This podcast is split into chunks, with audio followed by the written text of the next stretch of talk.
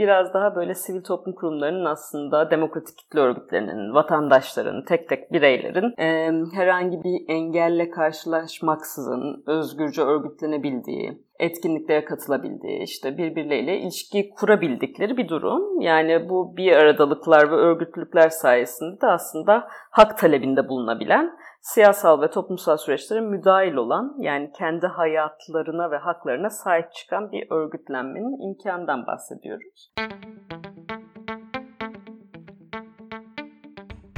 Demos Araştırma Merkezi, Türkiye'de ve dünyada çatışma ve barış, toplumsal cinsiyet, insan hakları, geçiş dönemi adaleti ve hafıza gibi konularda ana akım olana eleştirel bakış açıları sunuyor. Demos'tan sesleri Spotify, Apple Podcast ve diğer podcast platformlarından dinleyebilirsiniz. Bu podcast, Friedrich Ebert Stiftung Derneği Türkiye temsilciliğinin katkılarıyla hazırlanmıştır. Demos'tan seslerden merhaba, ben Nisan. Alandan seçmelerin ilk bölümünde satranç, saklambaç ve inat, zor zamanlarda sivil toplum raporunun yazarlarından Özlem Kaya benimle birlikte. Hoş geldin Özlem. Hoş bulduk. Ee, ben önce kısaca seni ve raporu birazcık tanıtmak istiyorum. Sonrasında da seninle rapor hakkında sohbet etmeye başlayabiliriz. Rapor geçtiğimiz Mart ayında Anadolu Kültür'ün bir yayını olarak çıktı. Anadolu Kültür'den de hemen bahsetmek istiyorum. 2002 yılında kar amacı gütmeyen bir kültür kurumu olarak kuruldu Anadolu Kültür. Kurucuları arasında sivil toplumdan, iş dünyasından ve sanatın farklı alanlarından isimler yer alıyordu. O günden bu yana da çalışmalarına aktif olarak devam ediyor. Rapor içinden geçtiğimiz dönemin görüşme yapılan sivil toplum aktörleri tarafından nasıl deneyimlendiğini aktarmaya çalışıyor. Ben raporun girişinden e, bir cümleyle bunu alıntılamak istiyorum. Türkiye tarihinin bu en zorlu dönemlerinden birinde sivil toplumun gösterdiği azmin ve cesaretin içeriden ve samimi bir anlatımını sunduğunu söylemiş yazarlar raporun girişinde. Raporun iki yazarı var aslında. Biri benimle birlikte olan Özlem, diğeri ise Pınar Öğünç. Ee, Pınar'ın şu anda Duvar Gazetesi'nde yayınlanan bir yazı dizisi var.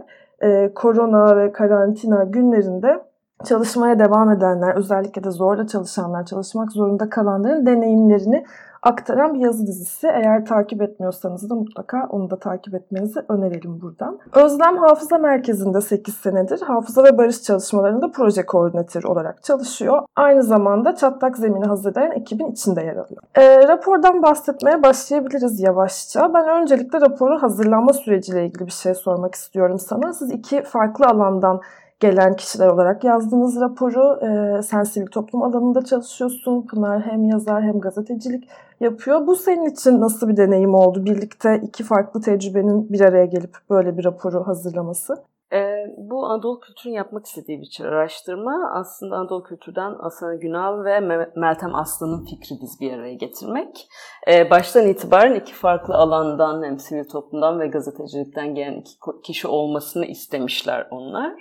E, çünkü bu biraz aslında hem e, yazım dili olarak hem de metodolojik keskinlik diye tanımlayabileceğim o keskinlik açısından belki daha esnek, arada bir dil ve yöntem tutturmak istedikleri için diye düşünüyorum. Ee, bununla ilgili de aslında çalışmaya başlarken hiç zorlanmadık desem biraz yalan olur.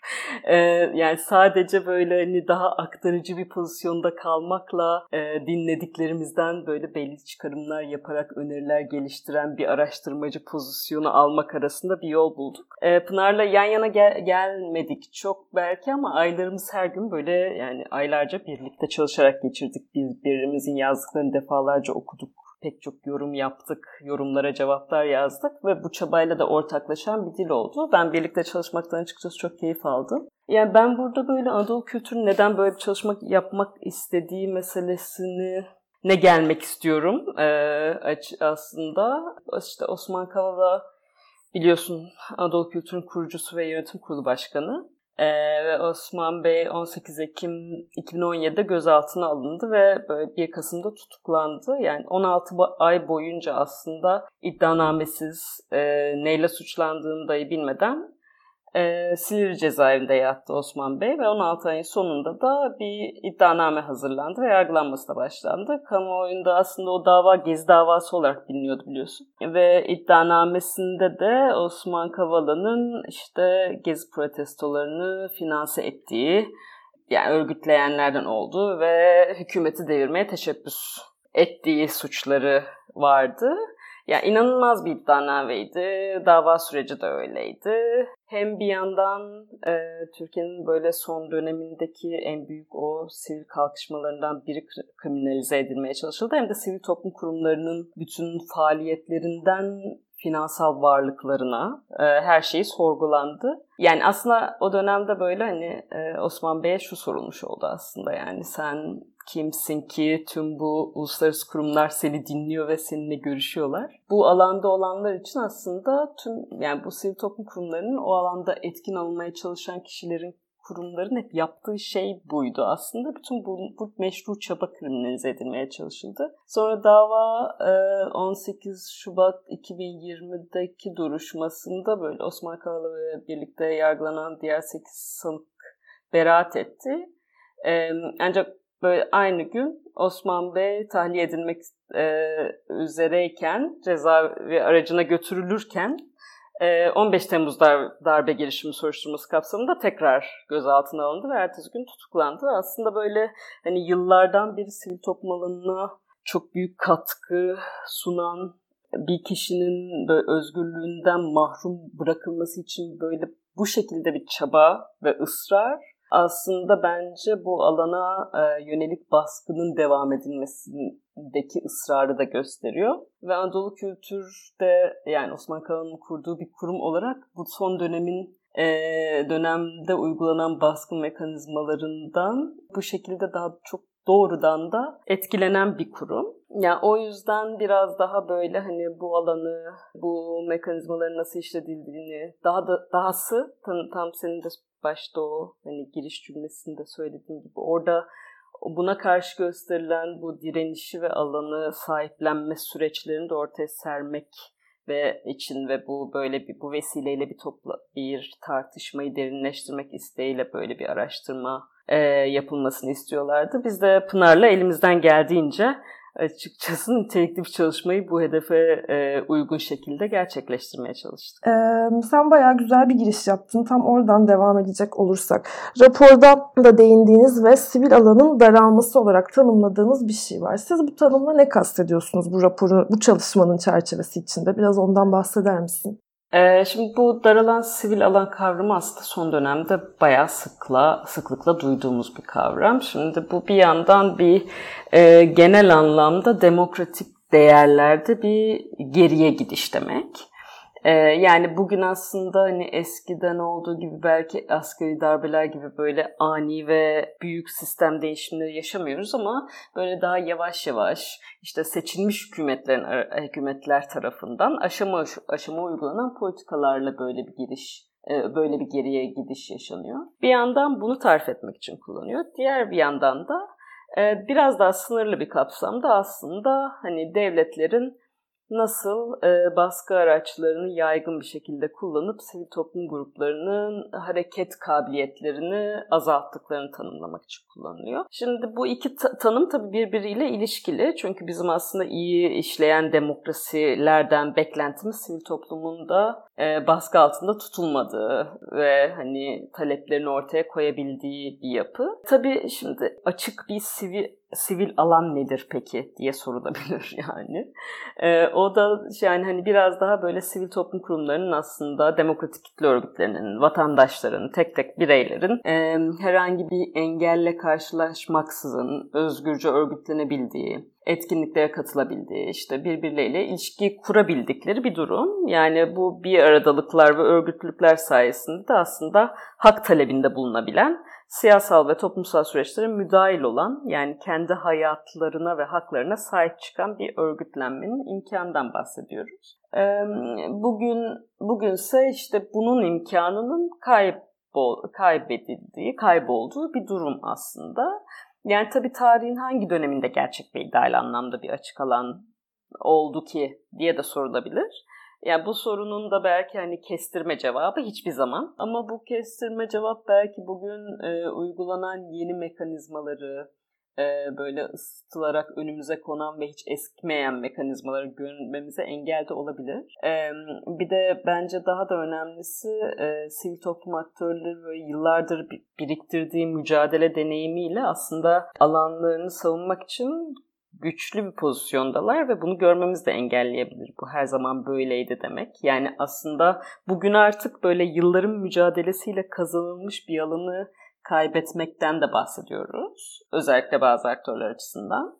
Yani bir yandan şöyle diyenler de var. Hani sürekli bir daralma söylemiyle aslında karşı karşıya kaldığımız tehdide hep vurgu yapıyoruz. Ama bunun buna nasıl cevap ver, verildiğine az yer vermiş oluyoruz. Aslında çünkü daralmaya başka yeni alanlar açarak açılarak da cevap verilmiyor mu diyenler de var ve haksız da sayılmazlar. Yani aslında dinamik bir durumdan bahsediyoruz. Yani küresel bir durumdan bahsediyoruz. Tabii son son olarak şunu da söyleyeyim. Şu an ya bu Covid-19 dönemi sonrasında yani hani e, neden kaynaklı bir daralmadan bahsettiğimizi ayrıca tanımlamamız gerekecek yani, muhtemelen. Hani e, şu an pandemiden kaynaklı bir daralma yaşıyoruz yani daralma böyle verili bir durumda değil aslında. Verili bir durum olarak almamakta fayda var. O böyle sınırları zaten hep mücadeleyle belirlenen bir alan. Peki bu daralma üzerinden devam edecek olursak raporda siz bunun 2015'ten kabaca başladığını e, anlatıyorsunuz. Bazı istisnalar ya da bazı sivil toplum kurumlarının farklı tanımlamaları var. Onlardan da bahsederiz. E, ama buna dair genel bir çerçeve çizebilir misin? Yani neden 2015'te başladı ve bundan öncesindeki 2013-2015 sürecinde sürecindeki e, barış süreci ya da çözüm süreci sırasında durum neydi ve sonrasında nereye doğru ilerlemiş oldu sivil toplumun alanı? Ee, yani bunun her ne kadar böyle biraz işte esnek, öncesiyle sonrasıyla bir süreç olarak tanımlamaya çalışsak çalışıyoruz. Ee, bunu böyle yapmaya çalışsak da hani 2015 yazının önemli bir değişimi yaşandığı bir yaz oldu. Kesin görüşmelerimizden çıkan şey bu en azından. Ve bu öncesinin güllük gülistanlık olduğu anlamına gelmiyor. Yani özellikle Türkiye Cumhuriyeti tarihi açısından düşündüğümüzde bunun hiç böyle olmadığını görüyoruz tabii ki. Yani hiçbir zaman sivil toplumun gelişmesinin öncel, öncelenmediği, hani demokratik yapılarını geliştirememiş, mekanizmalarını kurmamış bir devlet geleneği hep söylenir zaten Türkiye için. Ee, ama 2000 yılların ortasları aslında şu son süreci tanımlayan gelişmelerin yaşandığı dönem. Ee, böyle 2013-2015 yılları arasında evet senin de bahsettiğin gibi çözüm süreci e, var. Bu, yani Abdullah Öcalan'la yürütülen müzakereler süreci.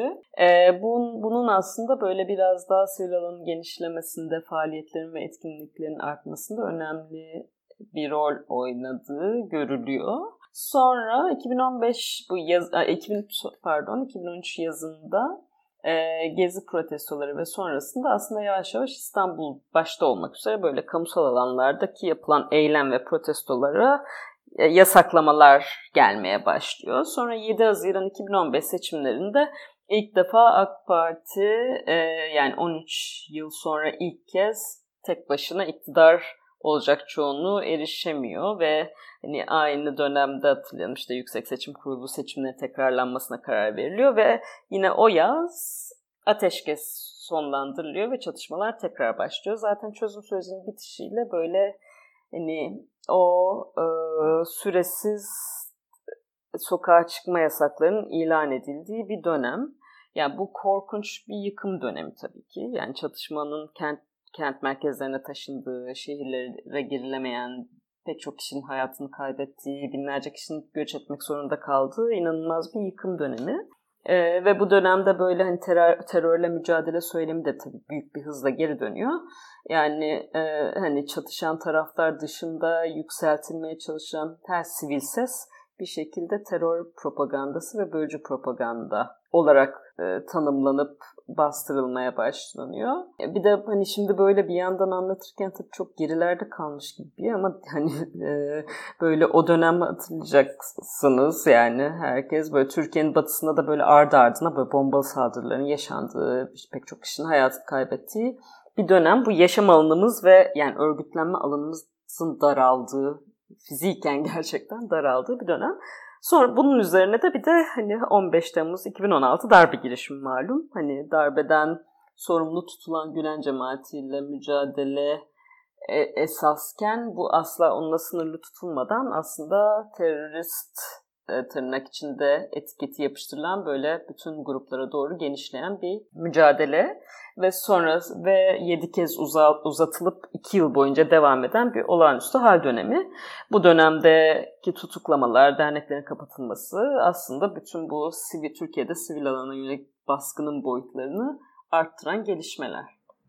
Evet böyle sayınca bu kadar kısa zamanda bu kadar çok şeyin yaşanmış olması tekrar bir inanılmaz geliyor kulağıma şu an. Tam dediğin gibi sanki çok eskide kalmış gibi yani o kadar yoğun bir dönemdi ki e, tekrar bunları bir düşünmek de önemli aslında.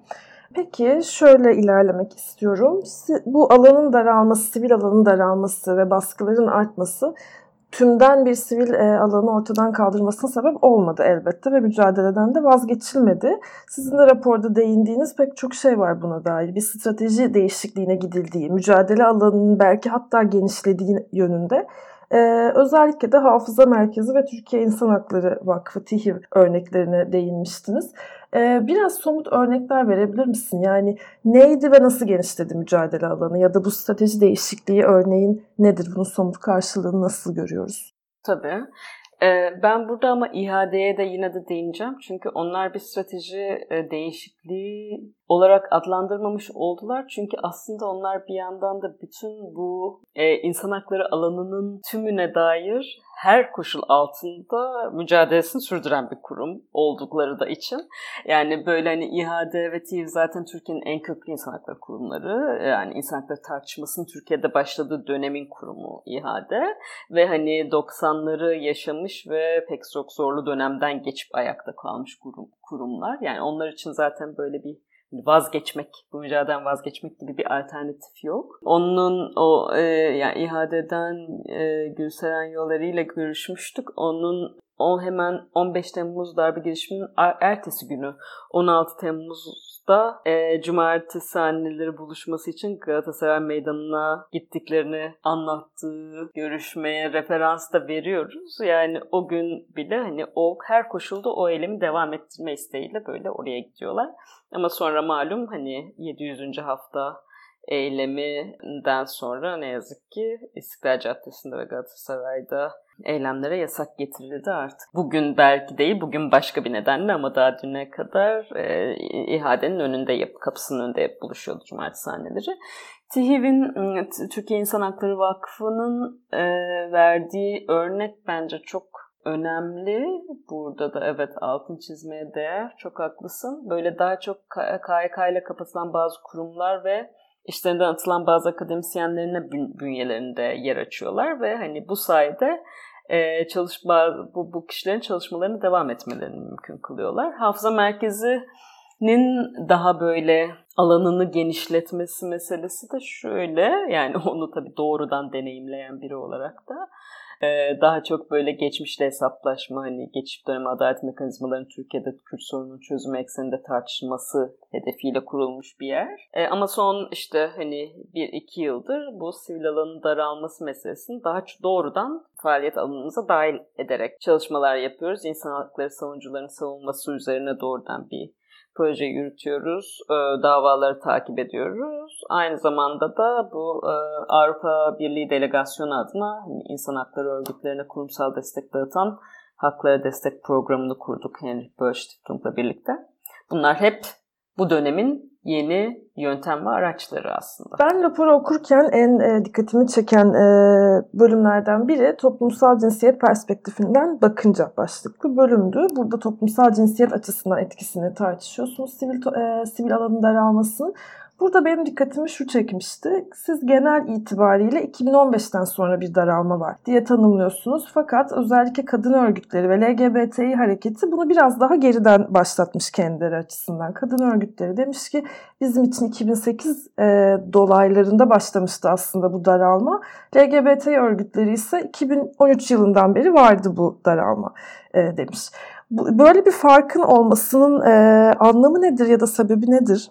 Ee, ben de bunun üzerine açıkçası senin sorunla birlikte düşünüyorum. Orayı ayrıştıran, e, özellikle kadın hareketi açısından ayrıştıran şöyle bir durum var. Bu gongo tanımını duymuşsundur. Bu İngilizce Government Organized Non-Governmental Organization denilen bu da Türkçesi hani hükümet güdümlü sivil toplum kuruluşu anlamına geliyor. Bunlar e, aslında bu son dönemdeki değişimi tanımlamak için bu bu kavrama bayağı sıkça referans veriliyor bütün dünyada. Hani gongoların artışına, daha çok hükümete yakın sivil toplum kuruluşlarının artışına yani.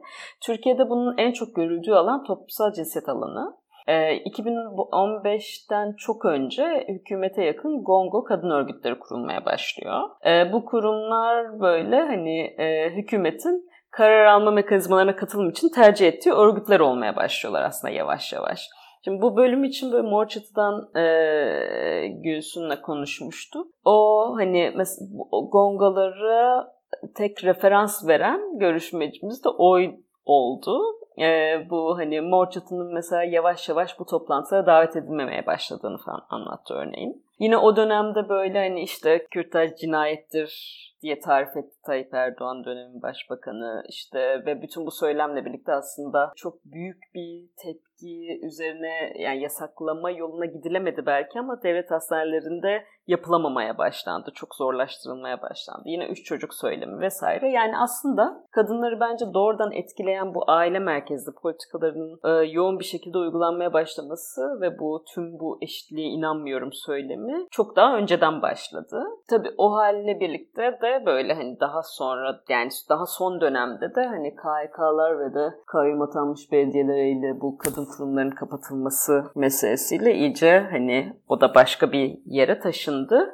LGBT artı örgütleri için de şöyle düşünüyorum. Ee, dediğim ya bu böyle bu kırılmaları hani tek bir tarih olarak ele almamak lazım ya. Hani burada aslında o bölüm için de Kaoskere'den e, Kaoskere'den Murat Köylü ile görüşme yapmıştık.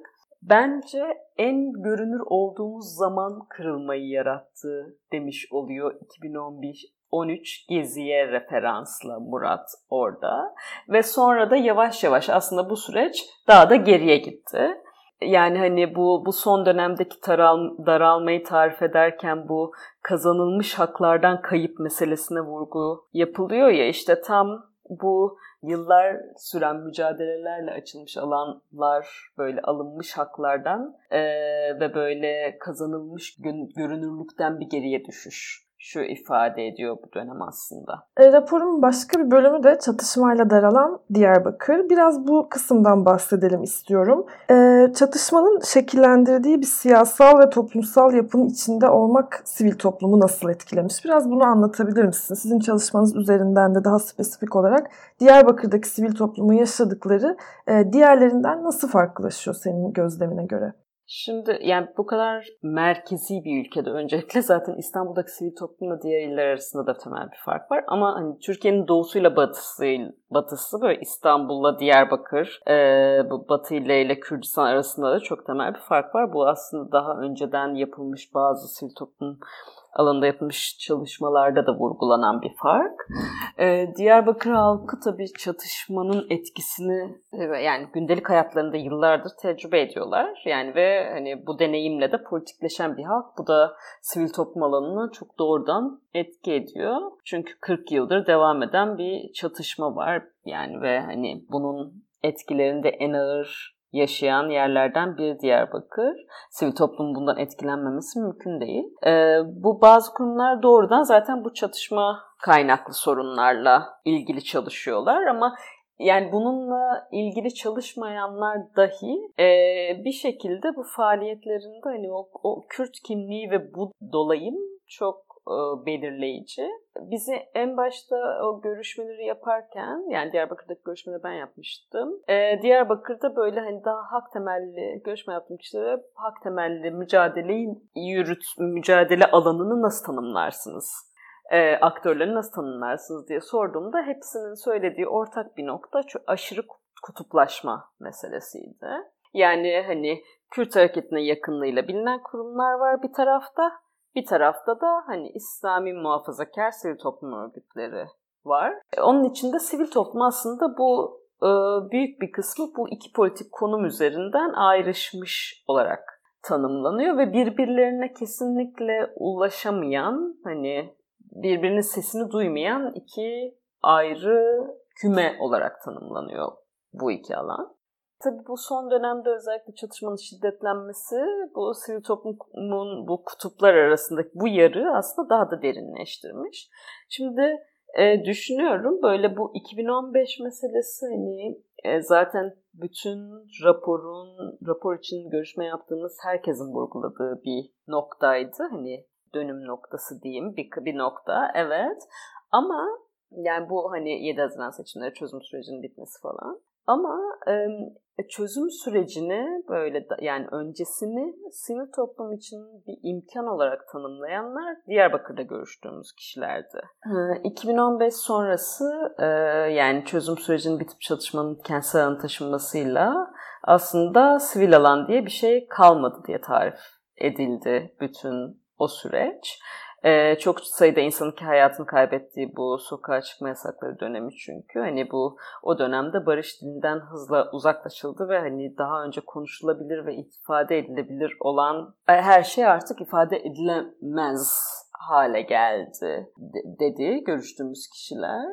Ee, zaten hani Diyarbakır'ın ve bölgenin bu genelindeki o hani askeri yapı yani askeri varlık, bu zırhlı askeri varlık da yine çok dikkat çekici her zaman olduğu gibi. Bu da aslında sivil alanın önündeki, yani gelişmesinin önündeki en büyük engel bence. Yani Diyarbakır'da polis ve asker her yerde ve bunlar onların hani kurumların ve örgütlerin düzenledikleri toplantılara müdahaleleri üzerinden de pek çok örnek verildi. Ee, yine daha önce hani İstanbul özelinde söylediğimiz bu cumartesi anneleri eylemleri e, malum İHA'de Diyarbakır Kayıtlar Komisyonu tarafından Diyarbakır'da da yapılıyor. Koşu yolu parkında. Ama o eylem de işte 499. haftasında yasaklanıyor. E, ve orada da Diyarbakır şubede gerçekleştirilmeye başlanıyor. Biz görüşmeleri yaptığımız dön tam o dönemde e, ya ben Diyarbakır'a gittiğimde bu görüşmeleri yapmak için HDP binası önünde bu çocuklarının PKK tarafından kaçırıldığını söyleyen ailelerin eylemleri başlamıştı hatırlayacaksın. E, bu o dönemde de bu medya çok büyük bir ilgi gösteriyordu bütün bu eylemlere. Bazı yani sanatçılar gitmişti eyleme destek vermek için Diyarbakır'a. E, tabii biz yani bu görüşmeleri yaparken ya o ayrım o kadar o eylemlerle ve o eylemlere verilen izinle o ayrım çok daha belirgin bir hale gelmişti. Yani hani bu bu sivil alanın aslında bölünmüşlüğünün bir göstergesi olarak tanımlandı bize bu tüm bu görüşmelerde. Yani bu çözüm sürecinin yarattığı imkan meselesiyle ilgili de tabii o dönemde hani Diyarbakır'da böyle pek çok profesyonel kurumun kurulmasına da e, e, imkan sağlayacak çok, çok büyük bir fon akışı da olmuş. E, ondan da bahsedildi ama şimdi bütün bunların e, pat diye kesildiğini söylediler. Ee, mesela çok ilginç bir şekilde her üç görüşmede de bu ev kadınlara yönelik proje, projeler meselesi hep böyle bir o dönemin e, en çok fon verilen projesi olarak ilk örnek olarak o akla gelip e, onu ifade ediyorlardı. E, yani bu tabii yani bu projelerin hani hiç anlamsız olduğunu söylemek söylemiyorlardı yani öyle anlaşılmasını istemem. Çünkü hani sonuçta farklı o dönemde böyle hani e, bazı bu tarz bazı projeler hani e, böyle farklı etnik aidiyetlerden kadınların bir araya getir gelmesini de sağlayan projeler olabilir yani projeler olarak uygulanıyor. Ama hani e, ne bu, bu bu çalışmalar aslında yaygınlaştırılabiliyor dendi ne de hani bir yandan da çok doğrudan başka bir alandaki çalışmalarındaki destek tamamen kesilirken bunun artmış olmasının yarattığı farka aslında dikkat çekmek istediler. İsteyerek bunu söylediler. Otosansüre çokça değinilmiş hem fon veren kurumlar açısından hem de sizin baktığınız sivil toplum kurumları açısından. Sivil toplumun çalışmalarında otosansürün karşılığı nedir geldiğimiz noktada? Şimdi bir yandan böyle inanılmaz bir dirençten bahsediyor e, ve ortaya çıkan o. Diğer yandan otosansürden aslında bunlar birbirine karşı şeyler gibi görülebilir ilk anda ama öyle değil. E, çünkü Diyarbakır'da görüşme yaptığımız kişilerden biri söylemişti. Biz Don Kişot değiliz sürekli kendi hesabımızı yapmak zorundayız diye. Bundan bahsediyor biraz aslında. Bu raporun ismine referans da tam bu noktadan çıktı. Sakla, satranç, saklambaç, inat. E, bu çünkü hani kendi içinde hesaplaşma, sürekli bir risk hesaplama, işte saklambaç oynama, e, satranç hamlesi gibi hep bir sonraki adımı düşünme, düşünme falan gibi böyle farklı farklı cümlelerde, farklı farklı e, şekillerde tanımlanan bir durum bu karşımıza çıkan şey. Ee, yani böyle dönemlerde tabii kurumların kendisini korumanın, yani korumanın kendisi öncelikli hale gelebiliyor. Yani sadece yan yana gelebilmeyi sağlamak anlamlı olabiliyor. Ee, aslında söyleyeceğinden imtina etmek değil, belki bu hani hesap risk hesaplarıyla belki normalde söyleyeceğinden biraz daha kısık sesle söylemek. Belki önce yakın çevresindekilere söylemek. E, etki alanını belki yavaş yavaş genişletmek falan gibi. Yani bu böyle hani dediğim gibi çok doğrudan kendini çekmek değil başka alanlara doğru da genişletirken belli yerlerden çekmek gibi tariflenen bizim öyle anladığımız bir süreç. Bu aslında raporun başlığını çok e, iyi anlatan bir cevap oldu. Teşekkür ederim bunun için de. Çok da güzel bir başlık olmuş bu arada. Bitirmeden senin eklemek istediğin bir şey var mı? Rapordan bizim belki değinmediğimiz bir şey. E, bu raporun baştan çerçevesini çizerken e, bu fon kurumlarını özellikle dahil etmek istedik. E, onları da biz bir aktör olarak bunun içine dahil edelim ve onlar bu süreci nasıl görüyorlar bir, nasıl deneyimliyorlar iki onu görelim istedik. E, bu ilginçti benim için. O görüşmeler onları da o görüşmeleri de ben yapmıştım. Çünkü hani hep onların böyle daha konforlu bir pozisyondan konuştuklarını, işte iç dinamikleri anlayamadıklarını vesaire düşünüyoruz. Bu bunların hepsinde de bir haklılık payı var bu arada.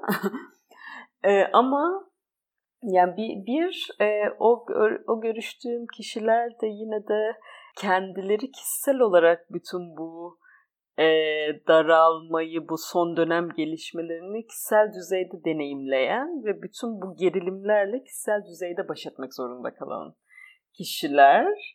E, bunu görmek yani ve çok daha büyük ve kurumsal yapıların içinde hareket etmeye çalışan kişiler belki bizim yerel düzeyde e, kendimizi tanımladığımız kurumsal yapıların içinde mücadele etmemizden baş, başka bir pozisyonları var ve bu pozisyonun da başka zorlukları var onların kendi kişisel hayatlarında. Bunu görmek çok ilginç oldu. Bir de tabii aslında son dönemde bu ajanlık, yabancı ajanlık meselesi de gerçekten bu tehdidin kendini gösterdiği temel yerlerden alan e, suçlamalardan bir tanesi. E, bununla da aslında onlar mücadele etmek zorunda kalıyorlar. Çok haklısın aslında çünkü bizim çok da bilmediğimiz ve e, pek duymadığımız bir bakış açısı sanırım onların tarafından bu sürecin nasıl deneyimlendiği kısmı. O yüzden de çok iyi olmuş gerçekten rapordan onun da olması. Çok teşekkür ederim Özlem. İyi ki katıldın. Kolay gelsin sana sonraki çalışmaların içinde. Hakkımızda ne düşündüğünüzü merak ediyoruz. Demos'tan seslere üye olmayı, puan vermeyi, yorum ve önerilerinizi bizimle sosyal medya hesaplarımız üzerinden paylaşmayı unutmayın.